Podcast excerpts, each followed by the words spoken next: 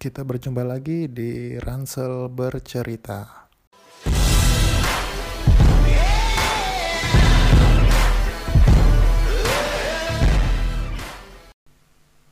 Oke, di episode kedua ini saya akan membagikan tips dan itinerary 4 hari 3 malam dari berkesumba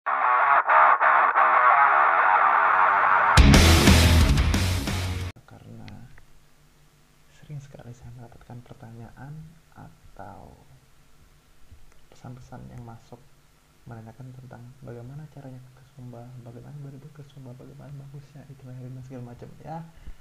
Semua pertanyaan itu membuat saya pusing. Setelah adanya podcast saya mencoba membaginya dengan kalian semua. Sumba atau Tanah Marapu ini di tahun 2017-2018 sangat-sangat familiar atau terkenal sekali khususnya di Indonesia. Ya asal kalian tahu Pulau Sumba itu berbeda dengan Pulau Sumbawa karena banyak orang yang salah kaprah. Sumba yaitu Sumbawa padahal Sumbawa itu ada di Nusa Tenggara Barat dan Pulau Sumba di Nusa Tenggara Timur jadi dari segi nama kalian sudah bisa membedakan bukan? Jadi jangan sampai salah menuju destinasi. Nah untuk tips dan itinerary 4 hari 3 malam berlibur ke Sumba kira-kira akan ke mana aja? Oke sekarang kita langsung menuju ke topiknya. Hari pertama otomatis kalian harus menggunakan pesawat yang lebih efisien. Karena tidak saya di sini saya tidak akan menceritakan menggunakan bagaimana uh, tips yang murah karena di sini rata-rata orang bekerja dan ingin berlibur secara simpel dan nyaman.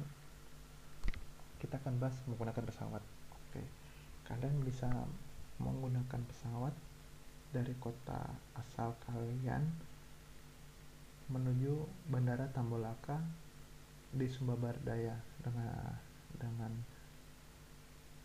uh, rute kota kalian menuju Tambolaka. Eh sorry sorry, sorry. begini ke Sumba di Sumba itu ada tiga rute atau tiga maskapai yang melayani penerbangan menuju Sumba. Yang pertama Wix Air dan kedatangan 1145 dari kota asal transit dan pasar menuju Tambolaka yang kedua ada Garuda. Biasanya transit Kupang atau transit Bali menuju Tambolaka dan ketiga ada 6 Air. Itu dari Bali menuju Tambolaka nah biasanya yang menggunakan 6 Air itu datangnya sangat sore hari. Jadi saya, saya tidak menyarankan menggunakan 6 Air. Kecuali kalian datang hamil satu sebelum bepergian ke destinasi tidak masalah. Kalian istirahat sejenak jadi besok pagi kalian bisa langsung menghabiskan seluruh destinasi yang ada di Sumba Barat Daya. Saran saya usahakan kedatangan di Sumba dengan Wix Air agar bisa memaksimalkan hari pertama untuk langsung bergegas mengunjungi destinasi yang sudah direncanakan. Oke kita bahas setelah sampai di Tambolaka kemudian kalian menuju hotel. Setelah itu makan siang. Uh, hotel yang saya rekomendasikan ada dua ya. Terutama ada Sinar Tambolaka dan Hotel Ella untuk untuk dari segi harga dari kisaran harga 300 tiga setengah kalian sudah bisa mendapatkannya. Tapi saya lebih prepare ke Hotel Ella ini bukan sponsor atau bagaimana tapi Hotel Ella karena kondisinya baru dan lebih bersih dan bangunannya. Ya karena kalian tahu sendiri lah bagaimana kondisi bangunan baru dan kenyamanannya pun pasti lebih. Oke kita menuju ke destinasi. Perjalanan menuju destinasi pertama adalah Kampung Rate Kampung Adat Ratenggaro. Perjalanan menuju Kampung Adat Ratenggaro kurang lebih sekitar 2 jam menggunakan transportasi mobil motor bebas. Tapi kalau motor itu cukup sulit karena motor biasanya yang menyediakan hotel itu pun para pekerjanya resepsionisnya yang menyediakan. Jadi tidak semua hotel ada. Jika pun ada rata-rata rate-nya kurang lebih sekitar 150 ribu per hari. Kalau mobil 800 ribu sudah termasuk sopir dan BBM itu rata-rata harganya segitu kalau di Sumba. Oke. Balik lagi perjalanan sekitar 2 jam kalian akan sampai di desa adat Ratenggaro. Di sana kalian bisa menikmati rumah adat Sumba yang berada di pinggir pantai pas. Nah rumah adat Sumba ini cukup unik terutama yang di Tenggaro karena rumahnya menjulang tinggi ke atas rumah adat Sumba ini terdiri ada tiga bagian. Yang pertama bagian atas untuk menyimpan pasokan makanan atau sembako. Yang kedua di tengah itu biasanya untuk aktivitas atau ruang huni. Dan ketiga di bawah itu biasanya sebagai kandang atau hewan ternak. Nah, jika kalian melihat dari pantai, pemandangannya itu sangat-sangat indah. Perpaduan pantai dan pasir putih ditambah rumput hijau jika saat musim penghujan menghiasi rumah adat. Pokoknya begitu pokoknya sangat-sangat indah lah. Nah, ini perlu dicatat di Sumba itu retribusinya itu adalah buku tamu nah kalau di Tenggaro ini retribusi seikhlasnya ya, ya anggaplah 20 ribu 30 ribu atau 50 ribu lah. Kemudian parkir 10 ribu normal lah. Ya kalian bisa uh, budgeting mulai dari sekarang. Anggaran untuk retribusi berapa berapa nanti tinggal kalian hitung sendiri jumlahnya ada berapa.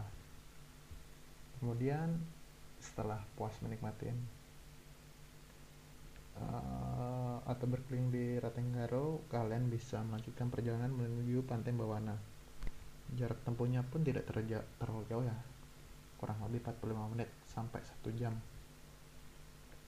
Sesampainya di Pantai Bawana, karena akan membayar retribusi dulu kurang sebesar 50.000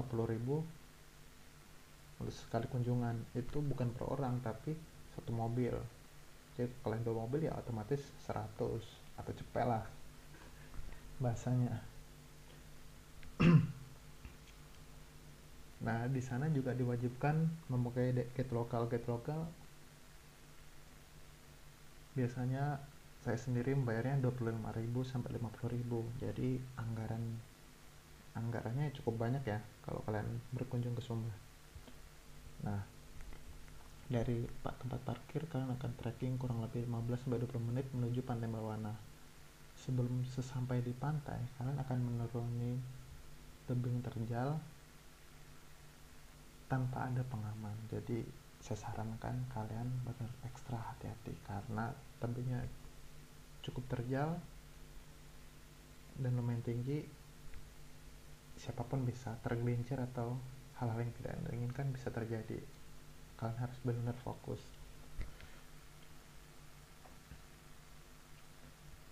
nah setelah sampai di bawah kalian akan bisa melihat batu bolong yang sangat sangat sangat ikonik yang menjadi uh, magnet siapa pun yang melihat pantai ini. Batu bolong ini pokoknya siapa pun yang lihat batu bolong pasti tahu oh ini sudah pasti di Sumba oh ini Sumba kayak gitu. Pantai yang garis pantai yang panjang pasir lembut putih dan tentunya sedikit pengunjung. Kecuali kalian datangnya saat high ya otomatis pengunjung banyak. Tapi kalau kalian bisa memutar jadwal kunjungannya atau jam kunjungannya pasti kalian akan akan merasa pantai itu adalah milik sendiri karena ya gimana susah untuk mengucapkan karena saking sepinya ya merasa kayak milik sendiri aja. Setelah puas sampai setelah puas eh setelah puas sampai setelah menikmati pantai main di bibir pantai air ada bersuah foto kalian bisa kembali lagi untuk menikmati sunset di Tanjung Mareha. Dari posisi ini kalian bisa melihat keseluruhan garis pantai Bawana sekaligus ikonnya yang saya bilang tadi batu bolong.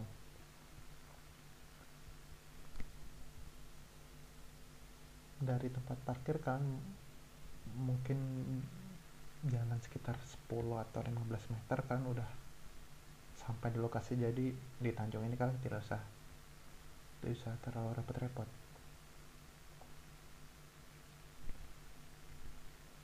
Dari Tanjung Mareha, Mareha ini kalian bisa menikmati matahari terbenam.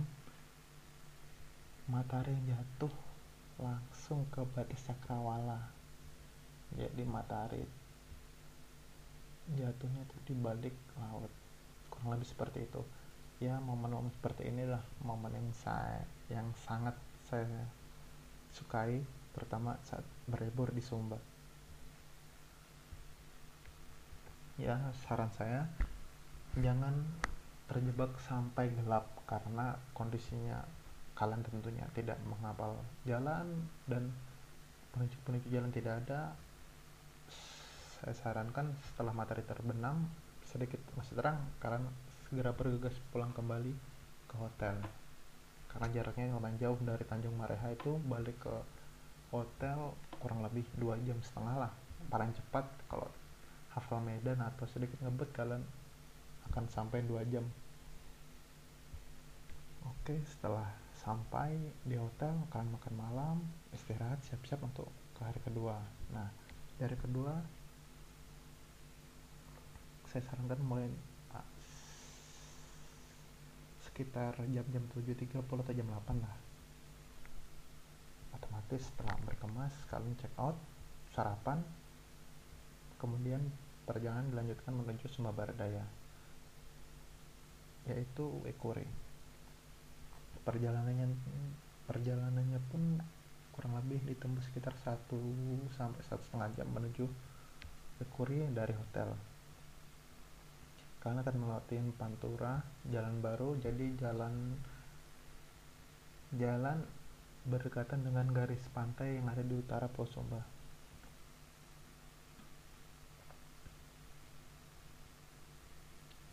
Setelah oh ya kalian bisa mengikuti jalan itu tanpa tersesat ya. Setelah kalau sudah menemukan jalan jalan Pantura kalian ikutin terus sampai ketemu simpangan di ujung kalian belok kanan kalian langsung menemukan lokasi Wikuri nah Wikuri itu bisa dibilang laguna atau danau tapi kalau menurut saya cocoknya laguna karena airnya itu terisi mengikuti pasang surut air laut. Jika laut sedang pasang otomatis air yang ada di laguna Wikuri itu akan tinggi naik.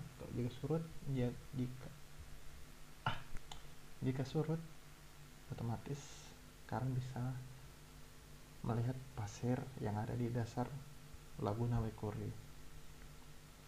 Di Wekuri kalian bisa melakukan aktivitas mandi, loncat, atau bersuah foto juga atau cuma sekedar menikmati dulu sambil menikmati kopi, mie, kelapa yang disediakan oleh warga setempat karena warga setempat di sana uh, menjual berbagai makanan atau oleh-oleh khas yang ada di Sumba Barat Daya.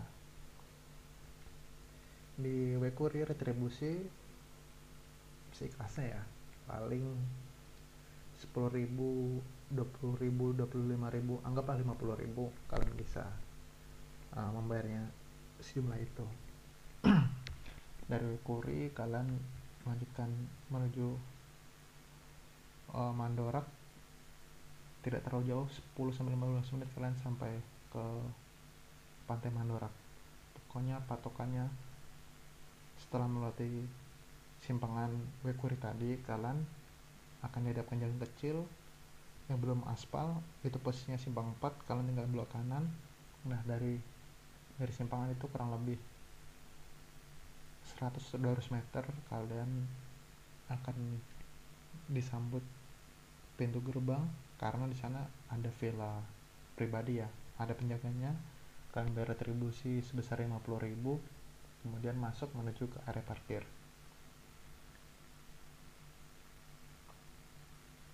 Di eh, Tanjung Maria di Pantai Mandora kalian bisa menikmati atau melakukan aktivitas mandi di batai atau loncat dari tebing. Tapi saya tidak menyarankan karena jika tidak punya keyakinan keberanian atau tidak bisa berenang jangan melakukan hal itu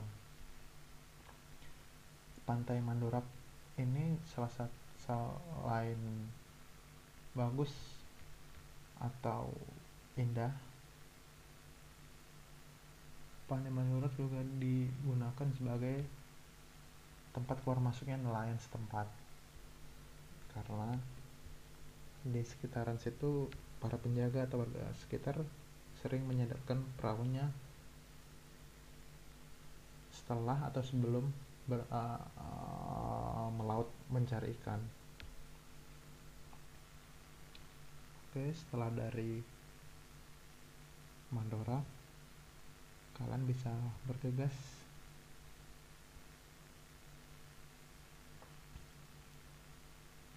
menuju air terjun Lapopo karena perjalanan cukup jauh sekitar dua jam setengah dari Sumba Barat Daya menuju Sumba Barat. Ya dalam perjalanan mungkin kalian bisa istirahat untuk tidur sejenak atau bercengkrama atau apalah dalam perjalanan untuk membunuh rasa bosan atau atau lama hal apa pun yang sedang lakukan. Nah setelah sampai di area parkir kalian akan melakukan trekking sekitar 15 menit menuju air terjun Lapopo di Lapopo sendiri kan akan dikenai retribusi 5000 per orang di hari di weekday jika weekend kalian akan membayar 7500 7500 per orang. Plus ditambah guide lokal 25 sampai 30 ribu per grup. Kalau uh, eh, WNA kalau nggak salah itu 150 atau 200 itu perkunjungan. Nah di Lapupu sendiri kalian bisa melihat air yang jatuh dari ketinggian. Dibalut air yang berwarna toska pasti akan memanjakan mata siapa pun yang mengunjunginya. Di air terjun di air, di air terjun juga ter, kalian bisa mandi atau bersantai atau menikmatin kelapa. Ya sebagaimana mestinya kalian menikmati liburan lah. Kalau di air terjun ya mandi. Kalau enggak ya santai sambil menikmati pemandangannya. Setelah puas menikmati air terjun kalian akan melanjutkan perjalanan menuju Sumba Timur. Ya. Disarankan jika ingin menikmati matahari terbenam Sumba Timur kalian keluar paling lambat itu jam 3 karena perjalanan itu cukup jauh sekitar 2 sampai 3 jam perjalanan. Jika kalian tepat waktu maka kalian bisa menikmati matahari terbenam di Bukit Wairinding. Kalian tahu sendiri Bukit Wairinding itu salah satu bukit yang terkenal atau hits karena beberapa uh, film atau video klip musik seperti Stars and Rabbit tag filmnya di sana gitu. Atau shoot, apa syuting video klipnya di sana. Jadi tidak heran Bukit Waringin itu menjadi sangat terkenal. Setelah dari Bukit Wairinding, kalian bisa melanjutkan perjalanan menuju kota Waingapu dengan jarak tempuh sekitar 30 menit. Kalian bisa makan malam, kemudian check-in ke hotel, lalu istirahat. Mengisi tenaga kembali sebelum melanjutkan hari esok ke destinasi yang ada di Sumba Timur.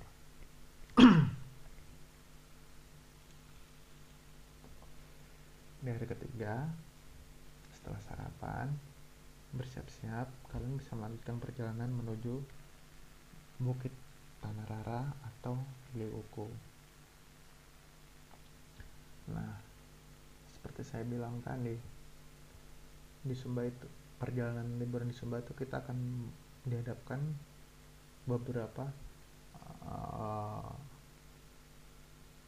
uh, uh, ada perubahan vegetasi. Ya jika kalian ada di Sumba Barat dan Sumba Barat kalian akan menemukan vegetasi hutan tropis dan kemudian bergeser menuju Sumba Timur. Kalian akan melihat wilayah perbukitan. Nah di Sumba Timur itu identik dengan perbukitan.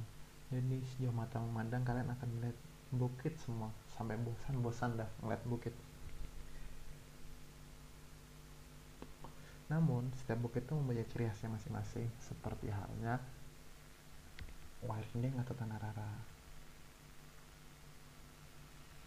Perjalanan da, uh, ke Bukit Tanah Rara dari hotel itu kurang lebih sekitar 2 jam.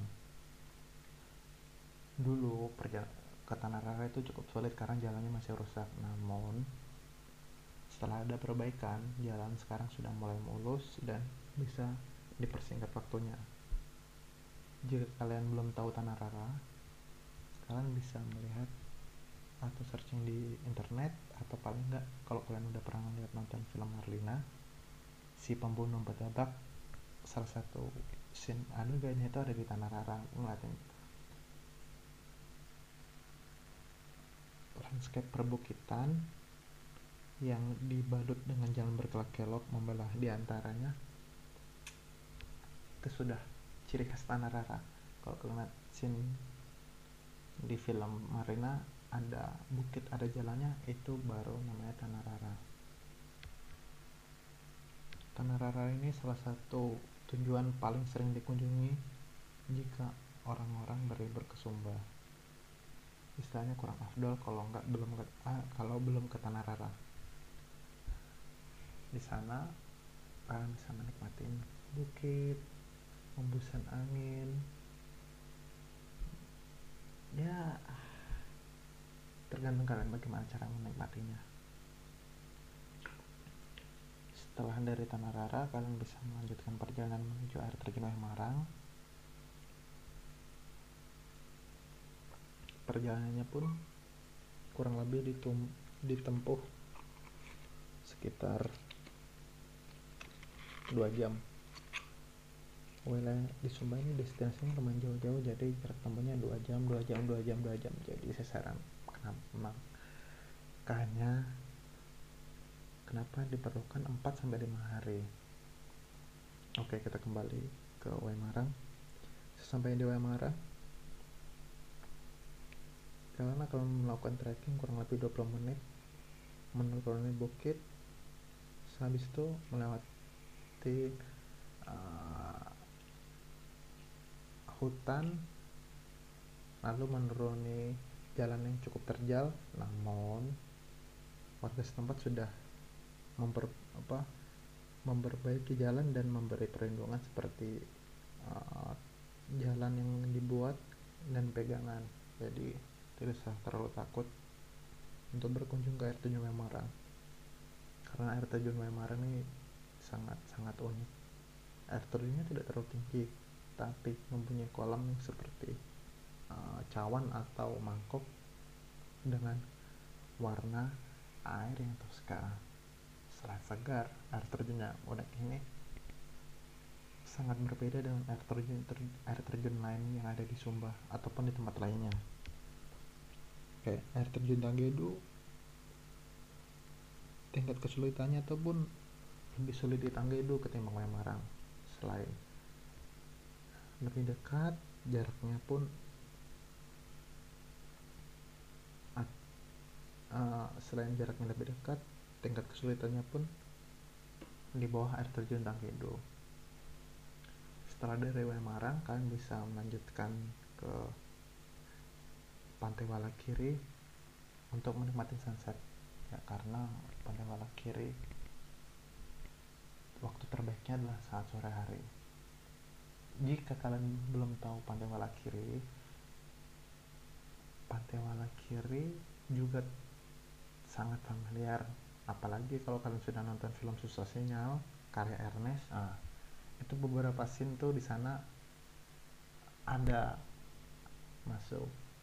Kalau nggak di iklan-iklan uh, kecantikan atau iklan atau prewed apa pun kalian kalau melihat ada pohon bakau nah itu sudah yang menjadi ciri khasnya pantai Walakiri.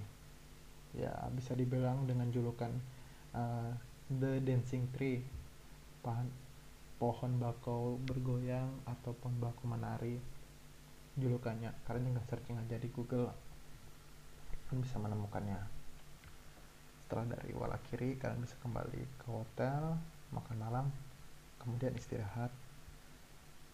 Nah biasanya saya dan teman hari keempat itu akan melakukan aktivitas sunrise sunrise terbaik itu ada dua tempat menurut saya. Satu pertama di Puro Canberra kedua di Bukit Tanau. Kalau di Puro Canberra biasanya saya di bulan 1 sampai bulan 4 itu akan seharusnya di Puro Canberra. Kenapa cuma sampai bulan keempat? Karena bulan 5 ke atas itu biasanya Puro Canberra itu rumputnya akan terbakar dan berkurang otomatis tandus jadi kurang kurang bagus lah untuk menikmatinya. Selain gersang kuda-kudanya pun susah ditemui kalau 1 sampai bulan 1 sampai bulan 4 itu kalian masih setelah menikmati sunrise kalian bisa nah mudah menemukan segerombolan kuda-kuda yang bermain di savana. Nah saya sarankan di Bukit Tanau. Di Bukit Tanau karena selain dekat dari hotel jarak tempuhnya sekitar 30 menit kalian bisa menikmati matahari terbit dari ketinggian. Jadi kalian bisa melihat matahari yang keluar dari uh, dari balik laut. Jadi membel apa keluar di antara garis cakrawala. Setelah itu kalian bisa menikmati landscape perbukitan dan kota Waingapu.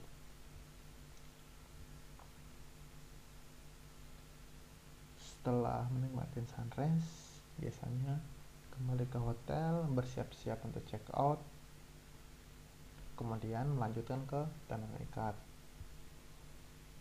Nah dari tenun ikat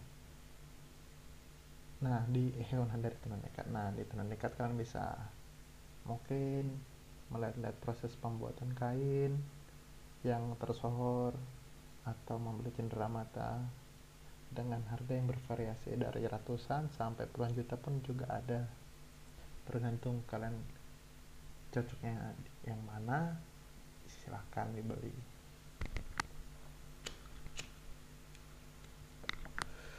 Atau mungkin membeli oleh-oleh makanan seperti kacang mete salah satu uh, oleh-oleh atau buah tangan yang ciri khas di Sumba karena di Sumba terdapat banyak uh, kacang mete.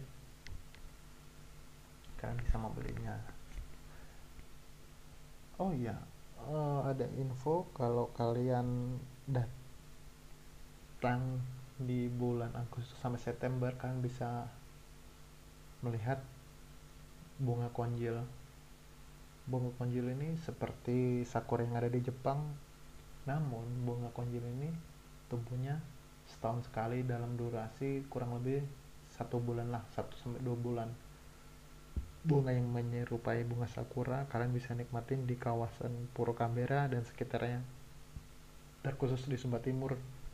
Kalian bisa melihat bunga konjil ja, jika ingin melatih suasana Jepang ala Indonesia yang tropis saya sarankan ke Sumba di bulan Agustus sampai September sebelum atau sudah bulan kedua itu kalian tidak akan bisa melihatnya oke setelah dari tempat oleh kalian bisa menuju ke Bandara Umbu Mehangkunda di Wengapu. Jadi sebelum ke Sumba kalian tentunya sudah menentukan kedatangan dan kepulangan kan karena di Sumba ada dua bandara. Jadi kepulangannya kalian melalui Bandara Umbu Mehangkundan di Waingapu, Sumba Timur. Nah, ke, jadwal kepulangan itu ada dua. Yang pertama, Wings Air itu jam 11.40 dari Waingapu transit Denpasar lanjut ke kota kalian masing-masing. Yang kedua ada Nem Air jam 12.40 dari Waingapu transit ke Kupang lanjut ke kota kalian masing-masing. Ya, kurang lebih seperti itulah itinerary singkat dari saya. Ya itinerary sewaktu-waktu bisa berubah kondisional sesuai dengan cuaca atau hal yang terjadi di luar dugaan. Tapi pada dasarnya kurang lebih seperti itu. Mungkin seperti air tanggi itu tidak saya sebutkan atau tidak saya jelaskan karena saya lebih memilihkan opsi ke Wemarang karena rutenya itu lebih mudah dalam satu kali perjalanan ketimbang uh, memilih air terjun tangga hidup. Apa? Lebih lebih memilih Wemarang ketimbang air terjun tangga hidup. Liburan pun selesai dan kalian bisa kembali dengan perasaan bahagia karena sudah menikmati alam yang di Sumba ya seperti itulah itinerary liburan di Sumba selama 4 hari 3 malam. Jika kalian masih merasa bingung kalian bisa bertanya-tanya atau langsung DM ke Instagram saya @ransulusang ke Facebook atau ke Twitter. Saya bakal menerima dan akan membalas satu-satu pertanyaan kalian. Semoga itinerary dan tips ini bisa berguna untuk kalian yang ingin berkunjung ke Sumba atau kalian yang ingin membuka jasa sebagai uh, pemandu wisata atau ingin menggunakan jasa jasa saya juga tidak apa-apa. Tinggal mengontak saya di Instagram. Oke. Okay. itu saja salam dari saya terima kasih. Salam lestari